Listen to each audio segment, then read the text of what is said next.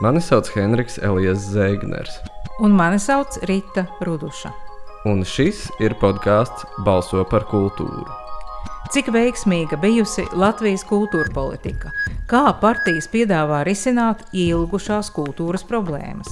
Satorija podkāstu, rakstu, diskusiju un video ciklā Balso par kultūru raudzīsim saprast, par ko atdot balsi 14. saimnes vēlēšanās. Šajā reizē runāsim par sarunu, kas tika veltīta kultūras finansējuma tēmai, Norādīšu, ka tajā piedalījās eh, dalībnieku sastāvs, kuru veidoja Pēters Viņķels no attīstībai par Inns Dalders no jaunās vienotības, Daiga Mieriņa no ZZS, Nauris Puntulis, Igors Pimnaus no saskaņas un Andris Švājevs no progresīviem.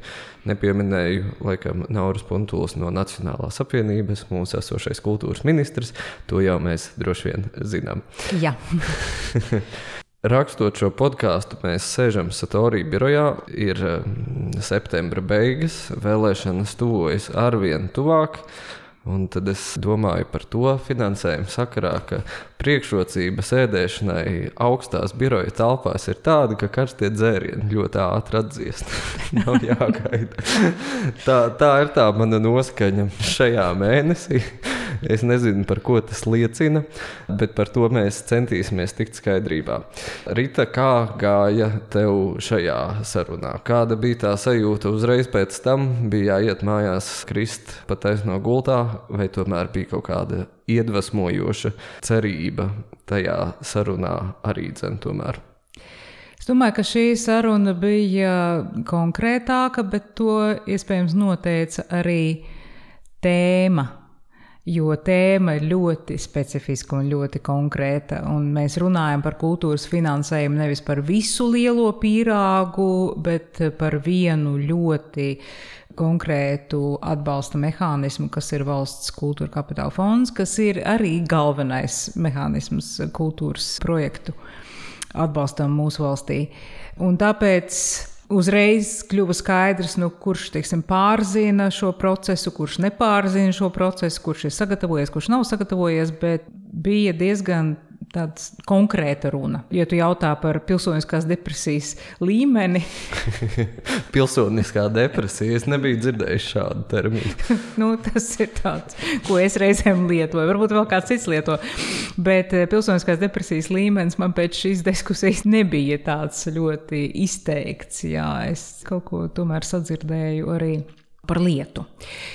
Bet, ja mēs, kā parasti, mēs sākam šajos atskatos par retoriku un par diskusijas kultūru, un es zinu, ka es esmu droši vien skatītājiem apnikus nedaudz ar šo pantiņu, bet uzskatu par ārkārtīgi svarīgu to pateikt, ka tātad šī podkāstu uzdevums nav izcelt kādu politisko spēku un noniecināt savukārt kādu citu. Mēs runājam tikai par diskusijas kultūru, par domas skaidrību, par priekšlikumu kvalitāti, un uh, tam nav nekāda sakara ar runātāju politisko piedarību. Un, ja jūs paklausīsieties precīzāk iepriekšējos podkāstus, tad tas arī būs redzams, ka mēs neatkarīgi no politiskās piedarības, tas var būt liberālis vai tas var būt no Nacionālās apvienības politiķis, mēs slavējam, kad jāslavē, un attiecīgi nedaudz kritizējam, kad jākritizē, kad ir pelnīta kritika.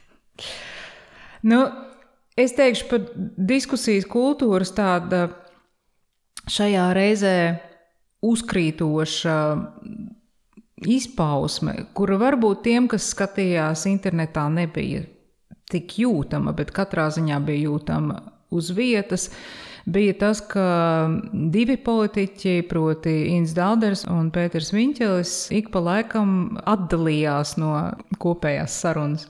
Un e, viņiem bija individuālais čats, teiksim tā. Un e, man šķiet, ka Tas tomēr ir simptomātiski. Man bija trīs reizes jāizrāda. Tas ir dzirdams arī ierakstā, ja kāds grib paskatīties vēlreiz. Man bija trīs reizes jāizrāda, un tas ir simptomātiski, tāpēc, ka ja mēs tomēr esam par mm, cieņpilnu diskusiju, par ieklausīšanos kolēģos, par kolēģu viedokļa uzklausīšanu, nu, tad šī tomēr ir ļoti slikta praksa. Un, protams, arī jebkuram no runātājiem ir iespēja celt roku un reflektēt par to, ko kolēģis bija teicis. Un šajā gadījumā tas netika izmantots. Jā, kungi sēdēja rindas galā un vairāk kārt vienkārši iepļāpāja savā starpā. Un pēc tam, es saprotu, bija norādījuši, ka runāja taču par lietu. Jā, nu runāja par lietu, bet tas jau nepalīdz. Ja, ja mums tomēr mums ir paredzēts uzturēt vienu sarunu, viens skaitlī, kur katram ir iespēja izteikties, reflektēt, neviens netiek diskriminēts. Un, uh, man šķiet, ka šī nu, ir tāda prakse, par ko padomāt un censties no tās atbrīvoties. Nu, būtu vajadzējis viņas droši vien uh, izsēdināt tādā gadījumā, bet no otras puses, ja ir pirmskolas izglītības iestāžu metodika jāpielieto priekšvēlēšanu sarunās, tad uh, nu, par ko tas liecina? Jā, nu tas ir varbūt par demokrātijas brieduma līmeni. Tas liecina. Man tomēr gribētos cerēt, ka mēs esam vismaz vēlīnā pusauģu stadijā un negluži sākuma skolas līmenī. Skaidra lieta gadās dažādi dzīvē. Un, uh, Tā var būt, un tā arī ir. Mēdz teikt, teātrī eh, es nesen noklausījos šādu frāzi, bet Puntuļa kunga došanās uz citu sarunu, ņemot vērā to, ka par šo sarunu ciklu mēs datumus norādījām jau visai laicīgi. Gadās, bet īpaši labvēlīgu sajūtu tas nerada. Jā, īpaši, ja mēs ņemam vērā tēmas nozīmību un to cik liels svars šajā ir kultūras ministrijai. Viņš kā esošais kultūras ministrs tiešām tas būtu bijis svarīgi viņam būt klāt. Protams, mēs saprotam, ka ir priekšvēlēšana laiks, bet tāpēc jau mēs arī uzrunājam partijas laikus, lai tiktu attiecīgi kalendāri salāgoti ar um, diskusijām, jo saprotam, ka diskusiju daudz, bet šī ir īpaša auditorija, Tā ir nozares auditorija lielākoties. Un nu, nozari arī vajag cienīt, un nu, varēja veikt kaut vai spēlētāju nomaiņu, ja nav citas iespējas. Ja. Es, protams, atkāpos zināmā mērā no moderēšanas principiem un ļāvu varbūt Puntuļa kungam izteikties vairāk nekā tas būtu proporcionāli pareizi diskusijas sākumā, jo man šķita, ka viņa viedoklis ir, ir ļoti svarīgs. Bet, nu jā, tā arī nav gluži laba prakse. Starp citu, vai tev ir sanācis šajā laikā pavērot arī citu mēdīju priekšvēlēšanu aktivitātes? vai tā diskusiju kultūra ir teikt, mūsu gadījumā ar kaut ko īpaši zīmīgu, vai arī citos raidījumos, sarunās, intervijās, tu novēro kaut ko tādu, kas tev ir iespiedies atmiņā, varbūt šogad ir citādāk Man trūkst empirisku datu, es uzreiz pateikšu, bet pēc sajūtām un atmiņas man šķiet, ka vispār diskusija kā formāts vai duelis kā formāts tiek daudz vairāk pielietots un plašāk mēdījos šajās vēlēšanās. Bet, nu, ja kāds saskaitīs, ka pirms četriem gadiem bija tikpat, tad es atvainojos, ņemšu savus vārdus atpakaļ. Bet, nu, tā vērojot, es tomēr esmu mēdīju uh, vidē visu laiku klātesoša, un man šķiet, ka šogad ir tomēr vairāk tieši šī formāta, jā, diskusijas un dueļi un debates. Salīdzināt ar citiem mēdījiem ir pagrūti viena iemesla dēļ, tāpēc ka ziņu mēdījos lielākoties dominē debates kas nozīmē, ka tiek aptverts ļoti plašs lauks. Tur ir arī daudz vairāk vietas, teiksim, savstarpējiem uzbrukumiem starp dalībniekiem. Dažās debatēs dalībnieku skaits ir, ir ļoti liels, ja mēs tomēr veicām atlasi un ņēmām tikai tos, kas pārvarētu 5% robežu. Mēs esam vairāk vērsti uz nākotni un gaidām, konkrētus priekšlikumus nākotnē, kas ir saistīts ar kultūru. Un tas uzliek vienkārši citu rāmi. Vienīgais, ar ko es vēl varu salīdzināt šo diskusiju, ir ar uh, nesen notikušo diskusiju, ko rīkoja uh, Mozaīka, kur arī bija ļoti specifisks fokus tieši uz LGBT tiesībām. Tur gan bija tikai četras partijas pārstāvētas. Bet arī ļoti konkrēta tēma. Un tā nav debate, kur savstarpēji politiķi cīkstās, bet katrs piedāvā savu risinājumu vienam vai otram jautājumam. Ja? Tāpēc tas ir salīdzināms. Bet eh, lielās televīzijas debatas tomēr ir cits žanrs.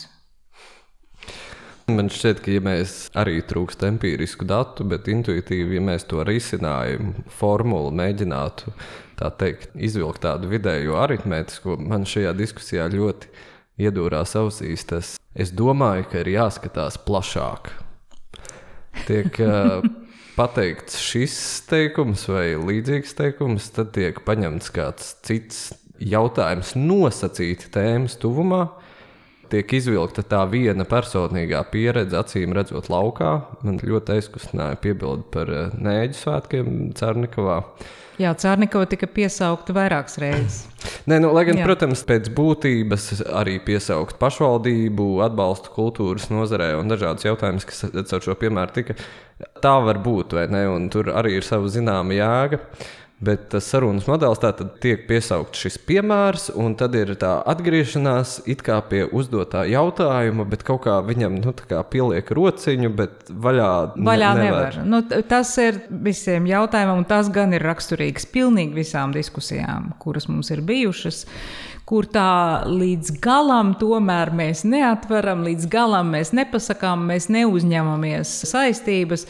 Nu, ko mēs varam saskaitīt, ja mēs vispār atskatāmies uz visu ciklu, tad nu, mēs izspiedām no visām partijām jā un atbalstu lielajiem infrastruktūras objektam, laikmatīgās mākslas muzejam, bet arī jā, mēs esam par, un tad sāksies palīgteikumi, protams. Ja un kaut kādus deklaratīvus apliecinājumus tam vai citam. Šis ir svarīgi un tas ir svarīgi. Un, Un, protams, ka kultūras finansējums jāaudzē, un tad sākas palīgteikumi, bet, bet, bet.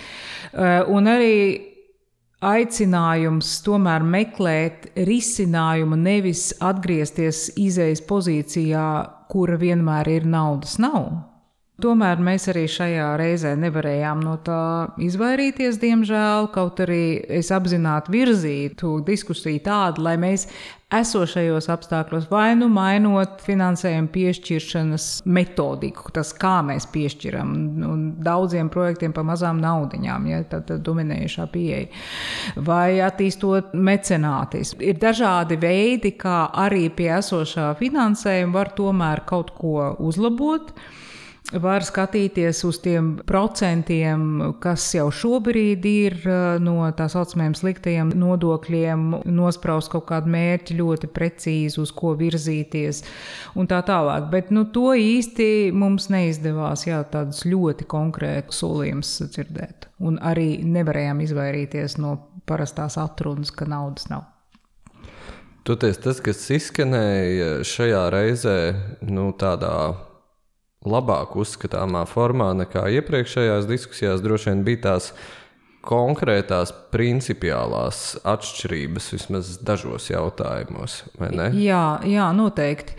Par kultūras finansējumu modeli tur bija visuzskatāmākās atšķirības, ja bija partijas, kuras ir par daudzveidīgu pieeju un kuras atbalsta modeli, kas šobrīd ir un kurš būtu jāattīsta, piemēram, piesaista ja, nodokļiem, un principā arī vajadzētu mainīt to domāšanu par piešķiršanas kārtību kustību, paradigmas maiņu, kāds piesauca, diemžēl neatceros, kurš runājām arī par mecenātiem. Tad, piemēram, progresīvo pārstāvis Švājus teica, nē, valstī ir jābūt vienīgajam finansētājam, tas ir stabili un tas ir ilgtspējīgi. Un Pievienojums no saskaņas būtībā teica to pašu. Un tur iezīmējās tādas būtiskas atšķirības. Arī kritika izskanēja no jau minētajiem par esošā modeļa teiksim, ētiskajiem aspektiem un cik ētiski ir atkarība no atkarību izraisošām aktivitātēm iedzīvotāju vidū. Tādā ziņā šī bija pirmā diskusija, kur ļoti skaidri iezīmējās tās konceptuālās atšķirības. Līdz šim mēs esam lielā mērā bijuši uz viena viļņa. Pat tās partijas, kuras pārstāv dažādu vērtību kopumu, ir bijušas viensprāts, piemēram, par tiem pašiem infrastruktūras eh, objektiem. Bet vai tas nenozīmē to, ka mūsu partijām viņu konkrētā ideoloģija ir izstrādāta tikai ekonomiskā izteiksmē? Nu, te mēs iebraucam tādā lielā lauciņā, kur man šķiet, ka bez kāda politologa nedrīkst nemaz turpināt. Protams, ka ir zināms politiskais pārns pārapdzīvots un ir grūti atrast desmit atšķirības. Ja. Starp tām partijām nu, mums jau arī nav tomēr bijusi tāda nepārtraukta eh, politiskās sistēmas attīstība, kas ir balstīta ļoti konkrētā vērtību kopumā, ja, un, un līdz ar to tādā jaunā demokrātijā tās līnijas ir mazliet izplūdušas. Bet, nu jā, tiem, kas par eh, kreisi centrisku izvēli domā, būs grūti izvēlēties, ja meklēs atšķirības starp eh, uzstādījumiem. Man šķiet, ka tevis piesauktais jaunās demokrātijas tēls vai trops, vai kā mēs to nosaucam, šajā gadījumā varbūt ir arī tāda lieta, ko varam nedaudz izvērst. Pusaudzība, tā tad vai ne? Droši vien tas ir arī tieši rādītājs partiju iekšējo pārliecību kaut kādā vaļībā, ka nav nedz tās konkrētās partijas rīcību vēstures tik ļoti, uz ko varētu atsaukties. Nav nedz tik bijis droši vien daudz laika izvērst konkrētu ideju kaldināšanas procesu, acīm redzot, un iedziļināšanos. Bet vai mēs augam, vai tu jūti, ka mēs augam, sakojot es... līdzi politikai jau visu neatkarības laiku?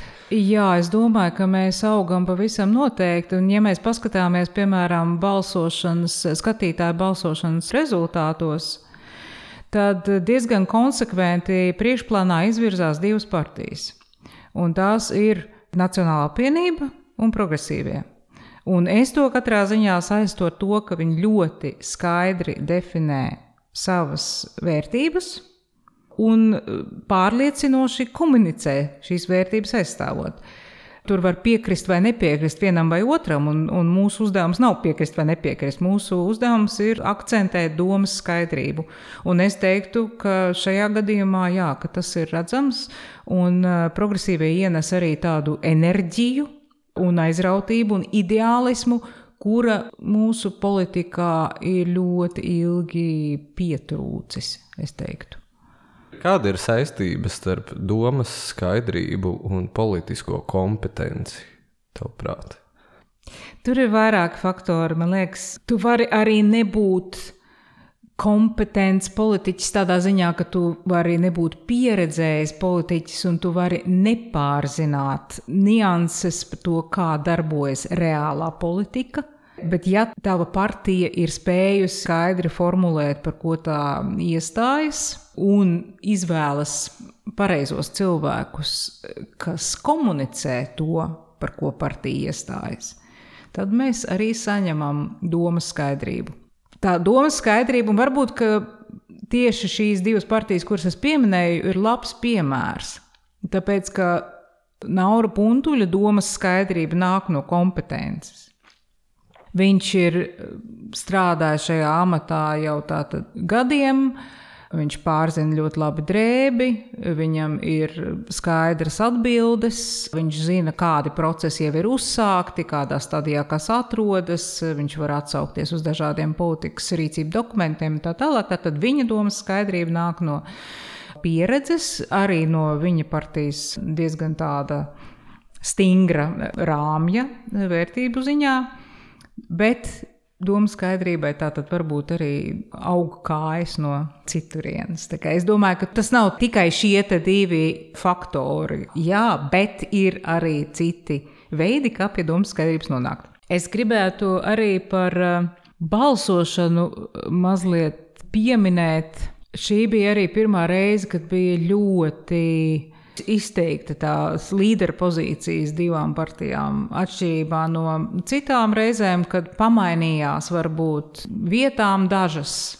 Vienā diskusijā neizlēmušo skaits pieauga, kas bija īpaši interesanti. Tas arī norāda, protams, uz tos pašus mūsu mīļās domas skaidrības trūkumu, manuprāt. Bet šajā gadījumā, nu jā, gan tāpēc, ka bija tēma ļoti konkrēta, gan arī tāpēc, ka bija daži pārliecinoši runātāji, tad mēs redzējām, ka tas atrāviens starp progresīviem Nacionālajiem apvienību un pārējiem dalībniekiem bija diezgan liels. Nu, tagad mēs esam pēdējās cikla diskusijas priekšvakarā. Pēdējā nākamā atlikusī diskusija būs arī par kultūras identitāti.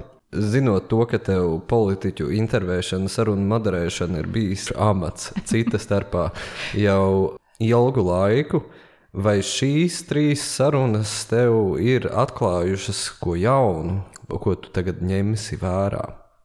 Man šī bija jauna pieredze Un, manuprāt, šis ir arī jauns žanrs vispār politiskajās eh, diskusijās, kad mēs tik ļoti precīzi nosakām tēmu un nevis mēģinam noklāt ļoti, ļoti plašu laukumu. Es domāju, ka tas bija pamācoši dalībniekiem. Tas bija aizraujoši un reizēm frustrējoši man, kā vadītājai. Un gatavojoties nākamajai diskusijai, es ceru, ka arī partijas ir izdarījušas kaut kādus secinājumus no tā, kas ir bijis līdz šim. Un tie, kas būs deleģēti runāt, būs patiešām labi sagatavojušies. Nu, es domāju, ka te mūs arī varētu sagaidīt diezgan uh, karsta potenciāla saruna. Es pieļauju potenciāli karstākā no tām, kas ir bijušas līdz šim. Jo man šķiet, ka Olgas Procevas raksts, viņš ir vairāk kārt gan mēdījos pieminēts, gan dažādās sarunās, un viņš ar savu atskabargaini atvēsinošo raksturu, man liekas, izprovocē diezgan daudz dažādus viedokļus. Nu, es tieši tāpēc arī ceru, ka politiķi nāks sagatavojušies un ar skaidriem viedokļiem. Es pieļauju, ka varētu būt arī vairāk drāmas šajā, šajā diskusijā, bet ir arī ir ļoti svarīgi. Vispār šis vārdu savienojums, protams, ir ārkārtīgi nodrāsts, bet patiešām ir svarīgi. Tieši, skatoties plašāk. Skatoties plašāk, ir vēl viens nodrāsts. Jā. Tieši vēlēšanu nedēļā runāt par identitāti, par to, kas mēs esam. Tas ir pareizais laiks, kad to darīt pareizais laiks, kad par to runāt un kad par to domāt, lai tad, kad mēs ejam uz saviem vēlēšanu iecirkņiem, lai mums tomēr arī katram būtu tā vīzija, ko tad mēs gribam. Lai valsts kā izskatās, kā strādā mūsu labā, ko mēs esam gatavi dot, un tā tālāk. Mēs esam daudz runājuši par eh, vizionārismu trūkumu politikā, bet arī vēlētāji var būt vizionāri un domāt par kopīgi domāt par to, kādu mēs to valsti gribam. Šī ir tāda iespēja mums to darīt būt pilsoniskiem vizionāriem. Pilsoniskiem vizionāriem, un nevis, nevis krist pilsoniskā depresijā, bet, bet pilsoniskā vizionārismā. Nu, pat izdomāju kaut kādu garu un sarežģītu vārdu. Um, bet nu, tas būtu ļoti vēlams, un labi, ka tā secība ir tāda, ja, ka mēs nevis runājam par finansējumu un nonākam pie secinājuma, ka naudas nav, un tad ejam balsot, bet mēs runājam par to, kas mēs esam, kas ir mūsu kultūras identitāte, kas mēs gribam būt kā nācija, un tad mēs ejam balsot. Man starp citu, pirms šīs diskusijas pēdējās, bija jau nu, tāda 90% pārliecība par to, ka es zinu, par ko es balsošu. Noklausījos šo, atkal mazliet sašūpojās pašam. Tā kā es arī gaidu, kā vēlētājs, kā klausītājs, to pēdējo sarunu. Vai tev ir kādas fināla replikas? Man ir aicinājums klausītājiem, tiem, kas skatās tiešsaistē, sūtīt jautājumus un arī komentēt. Tas ir veselīgai demokrātijai arī palīdz. Lai mēs kaut kā no tās pusaudzības beidzot tiktu ārā. Vai ne? Visi nu, jā, kopā. Vajadzētu jau absolvēt šo vecumu posmu, bet es esmu optimiste. Man šķiet, ka mēs būsim paaugušies pēc šīm vēlēšanām. Drausmīgi tas ir, bet pēdējo gadu vīrusa posms un arī karš šobrīd, es domāju, ja mēs mēģinām briesmīgā veidā attiecināt un meklēt to mākoņa maliņu, tad cilvēki, manuprāt, ir gluži vienkārši spiesti politikā vairāk iedziļināties. Nu, es domāju, ka šis gads jau sevišķi un karš mums diezgan skaudri atgādināja, ko tad nozīmē brīvība un, un ka tas ir darbības vārds. Ja. Lūk, brīvība, darbības vārds. Paldies, Rita! Paldies, klausītāji! Tiekamies virtuāli vai klātienē pēdējā diskusijā, un arī citur un citviet. Tiekamies Satorī. Paldies jums! Paldies, Rita! Paldies! Visu labu! Podkāstu tapšanu finansē Mēdīļu atbalsta fonds. Klausieties arī pārējos šīs sērijas podkāstus un lasiet rakstus portālā Satorija LV.